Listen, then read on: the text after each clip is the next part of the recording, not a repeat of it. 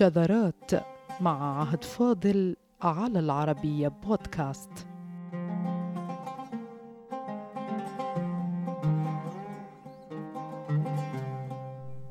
بعدما تعرفنا إلى اهتمام الشاعر العربي بابتداء قصيدته وولادة مصطلح الابتداء أو الاستهلال وعبقرية هذا الشاعر باختيار الكلمات العامة يستهل بها قصيدته فيضمن أكبر قدر من المتفاعلين معه.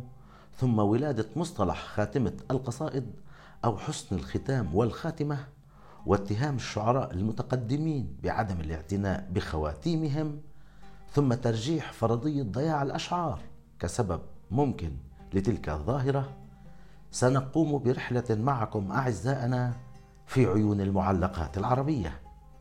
لنتلمس الفارق العجيب بين أول غالبية القصائد وآخرها ما يؤكد فرضية ضياع الأشعار التي ضربت الشعر الجاهلي في الصميم فتقول بعض النقاد على الجاهلي متهمين قصيدته بالخلو من الخاتمة وهو اتهام توجه به ابن أبي الإصبع المصري والقاضي الجرجاني وآخرون منهم ابن رشيق القيرواني.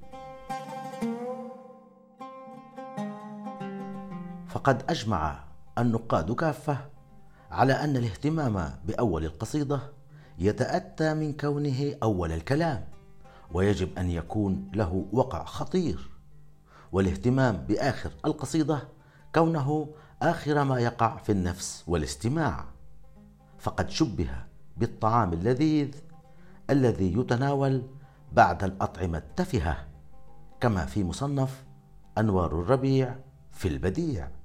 الذي أكد على أن الخاتمة إذا لم تكن كالطعام اللذيذ بوصفه ستنسي السامع الكلام الجميل الذي ورد في أول القصيده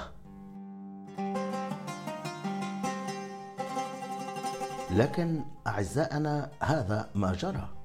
وضاع الشيء الكثير من شعر الجاهليين كما هو معلوم إلا أن من آثار ذلك الضياع غياب ملامح اختتام قصائدهم وهم المتيمون بالابتداءات البارعة. فكيف يضيعون تلك البراعة؟ بخواتيم ذات معان باردة أو بدون خاتمة كما اتهم ابن رشيق القيرواني. امرؤ القيس في معلقته الشهيرة بأنه كما لو أنه تعمد تركها بلا خاتمة. وأين هو أجود بيت في القصيدة؟ بحسب العسكري في الصناعتين. عندما قال ينبغي أن يكون آخر بيت في قصيدتك أجود بيت فيها. اذا أين أجود أشعار الجاهليين؟ ألم يقل العسكري وهو من كبار الكتاب إن أجود الأبيات يكون في آخر القصيدة. وعندما نتحدث عن فحول الشعرية العربية وجدودها فإن هذا السؤال يتخذ منحا بالغ الخطورة عندما لا نعثر أحيانا على أجود الأبيات إلا في الابتداءات أو في المتن. وسندخل الآن ديار الجاهليين في معلقاتهم ونرى الفارق بين ابتداءاتهم وخواتيمهم التي على ما ظهر قد طواها غبار ضياع أو نسيان.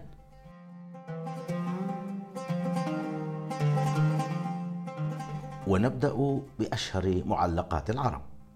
ونعتمد الأصلية فيها أما الزيادة فأوصلتها إلى عشر معلقات.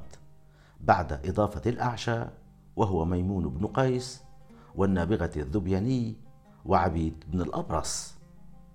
وأشهر المعلقات تعود لجد الشعرية العربية ورئيس الشعراء العرب هو امرؤ القيس اللقب الذي اشتهر به حتى نسي اسمه وهو حندج بن حجر وثاني ألقابه الملك الضليل وثالث ألقابه ذو القروح بحسب التبريزي في مصنفه الشهير القصائد العشر.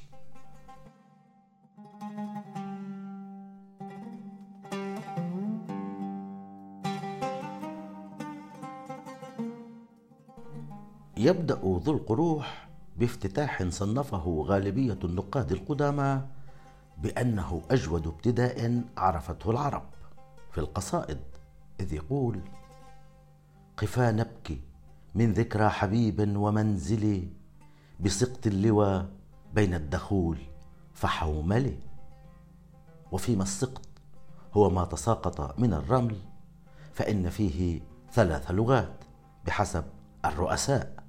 سقط وسقط وسقط أما الدخول والحومل فموضعان. وعلى ما في هذا الافتتاح من براعة وقوة فإن الاختتام لم يكن بتلك البراعة.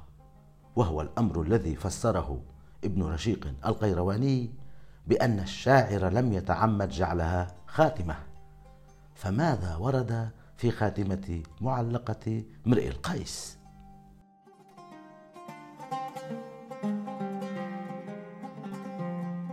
كأن السباع فيه غرق عشية بأرجائه القصوى.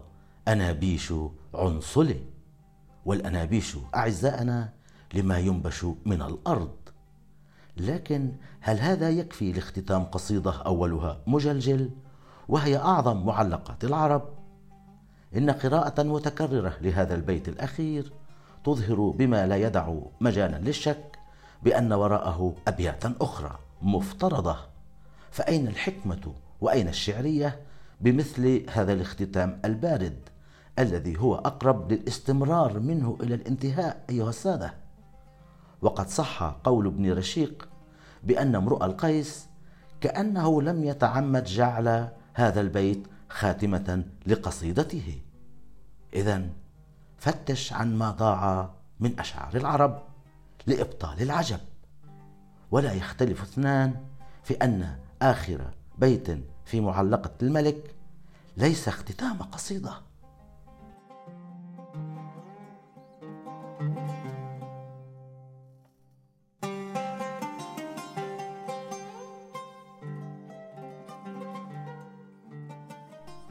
ثم نأتي إلى الفحل الثاني وهو طرفه بن العبد عمرو بن العبد بن سفيان ويلقب بالغلام القتيل.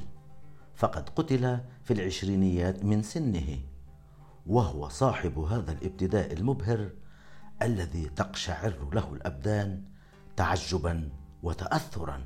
يقول لخولة أطلال ببرقة ثهمدي تلوح كباقي الوشم في ظاهر اليد. وقوفا بها صحبي علي مطيهم يقولون لا تهلك اسا وتجلدي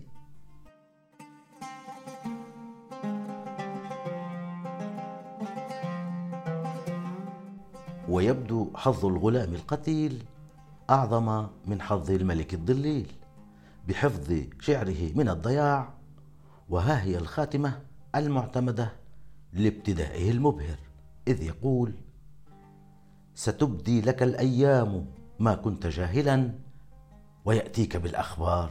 من لم تزوده. هنا صحت رواية أبي هلال العسكري بوجوب أن يكون آخر بيت في القصيدة أجمل بيت فيها وإن لم يكن الأجمل فعلى الأقل بمستوى الابتداء.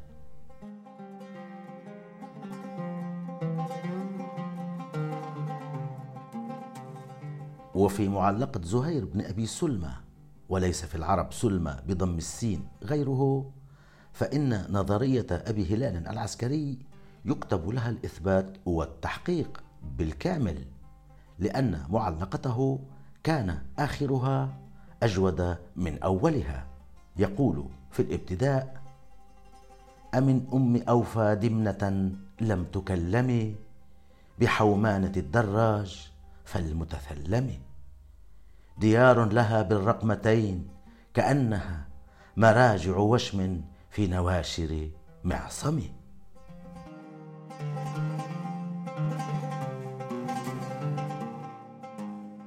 بل إن هذه المعلقة تتحول لنوع من الهدير العميق المتدفق في أبياتها الأخيرة فتصبح الخاتمة فيها مجرد تفصيل ضئيل أيها السادة لأنها تختم عمليا بآخر تسع أبيات.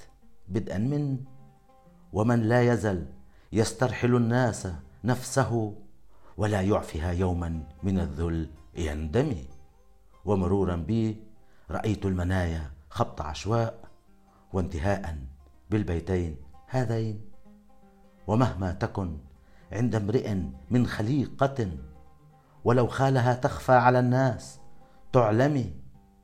وأعلم ما في اليوم والأمس قبله ولكنني عن علم ما في غد عمي والمعلقة بحق تأكيد لنظرية العسكري بوجوب أن تكون الخاتمة أجود من الابتداء أو أي بيت آخر إلا أن شاعرنا ابن أبي سلمى سلم شعره من ضياع آخره فلم تصح مقولة الجرجاني وابن أبي الإصبع المصري بأن المتقدمين لم يعتنوا بخواتيم أشعارهم.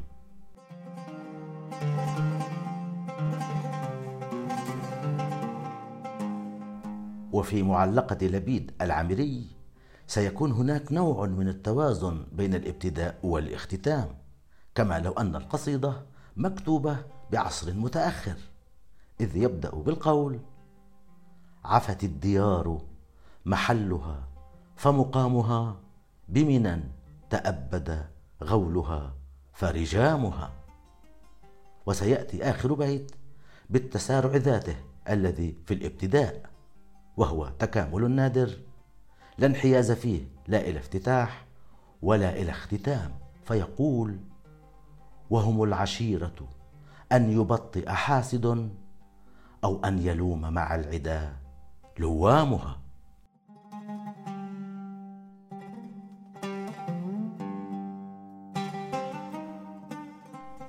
ونصيب عنترة بن شداد العبسي في معلقته كنصيب امرئ القيس في خاتمة القصيدة. فمن بداية مجلجلة إلى انتهاء بارد لا يترك أثرا أو انطباعا بالإنهاء. وينطبق على معلقة عنترة ما قاله ابن رشيق بمعلقة امرئ القيس كأن الشاعر لم يتعمد جعلها خاتمة. يبدأ عنترة بالقول بهذا الهدير المبهر. هل غادر الشعراء من متردم؟ أم هل عرفت الدار بعد توهم؟ لينتهي إلى القول. إن يفعلا فلقد تركت أباهما جزر السباع وكل نسر قشعم.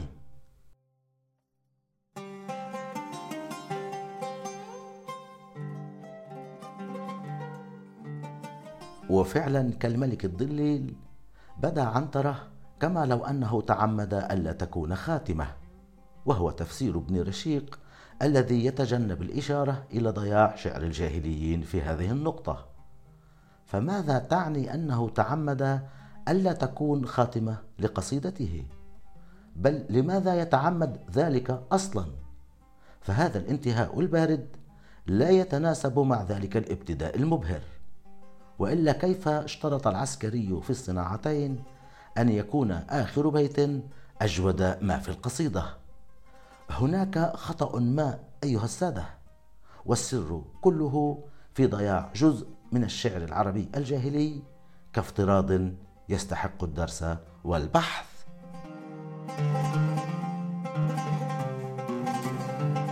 معلقة عمرو بن كلثوم مثال فريد لنص مترابط الأول بالأخير. إن على مستوى التدفق الذي لم ينقطع لحظة واحدة من أول كلمة في المعلقة إلى آخر كلمة. وإن على مستوى علاقة الابتداء بالانتهاء. ويظهر فيها نوع من التدرج الذي يشبه معلقة زهير بن أبي سلمى إلا أن معلقة عمرو بن كلثوم تظهر تدفقا لا ينقطع ربما لطبيعة الموضوع المطروح والمناسبة التي قيلت فيها القصيدة. إذ نقل عن رؤساء الرواة أن أجود الشعراء قصيدة واحدة جيدة طويلة ثلاثة نفر عمرو بن كلثوم والحارث بن حلزة وطرفة بن العبد.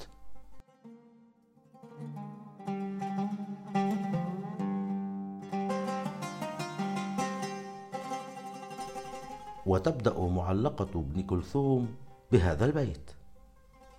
ألا هبي بصحنك فاصبحينا ولا تبقي خمور الأندرين ومع البيت الخامس يبدأ التدرج بالتسارع في هذه القصيدة الشهيرة التي لا يتوقف فيها النفس منذ البيت الخامس وحتى البيت السادس والتسعين وهو آخر القصيدة. يقول ألا لا يجهلا أحد علينا؟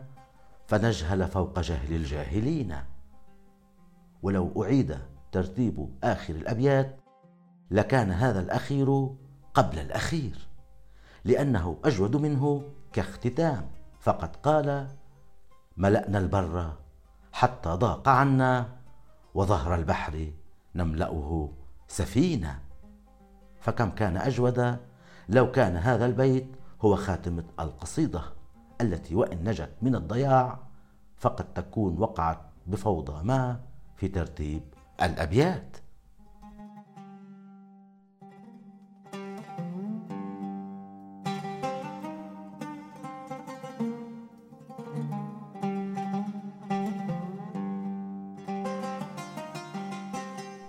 وفي آخر السبع الطوال تأتي معلقة الحارث بن حلزة وهي من الصور الأليمة لاتساع المسافة ما بين الابتداء والاختتام حتى لا يبدو إنهاء القصيدة كما لو أنه استمرار بها وينطبق على معلقته افتراض ضياع الشعر. وإلا كيف يمكن لأصحاب هذه الابتداءات المبهرة أن يختموا قصائدهم بهذا البرود وتلك اللامبالاة؟ يبدأ ابن حلزه بهذا الهدير العجيب. آذنتنا ببينها أسماء رب ثاو يمل منه ثواء. بعد عهد لها ببرقة شماء فأدنى ديارها الخلصاء. ثم تأتي خاتمة القصيدة لتدفع نقادا كبارا للقول إن المتقدمين لم يعتنوا بآخر قصائدهم. فيقول كما لو أن القصيدة في واد والختام في واد آخر. مثلها يخرج النصيحة للقوم فلاه من دونها أفلاء. واضح أيها السادة هناك نقص في القصيدة وهذا لا يمكن بأي حال من الأحوال أن تختتم به. إنه جزء منها وليس آخرا لها كغيرها من قصائد الجاهليين التي ظلمها النقاد باتهام أصحابها بعدم الاهتمام بالنهايات.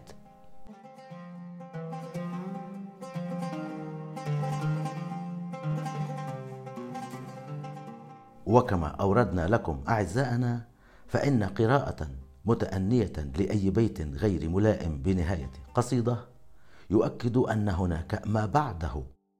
لكنه الضياع والضياع الذي قد يكون ضرب جزءا من الشعر العربي القديم ويبدو أنه أصاب خواتيم القصائد أكثر مما أصاب ابتداءاتها لسبب يتعلق أصلا باهتمام العربي بأول القول وأول الكلام ومنه براعة الابتداء فذهبت الخواتيم وبقيت الأوائل.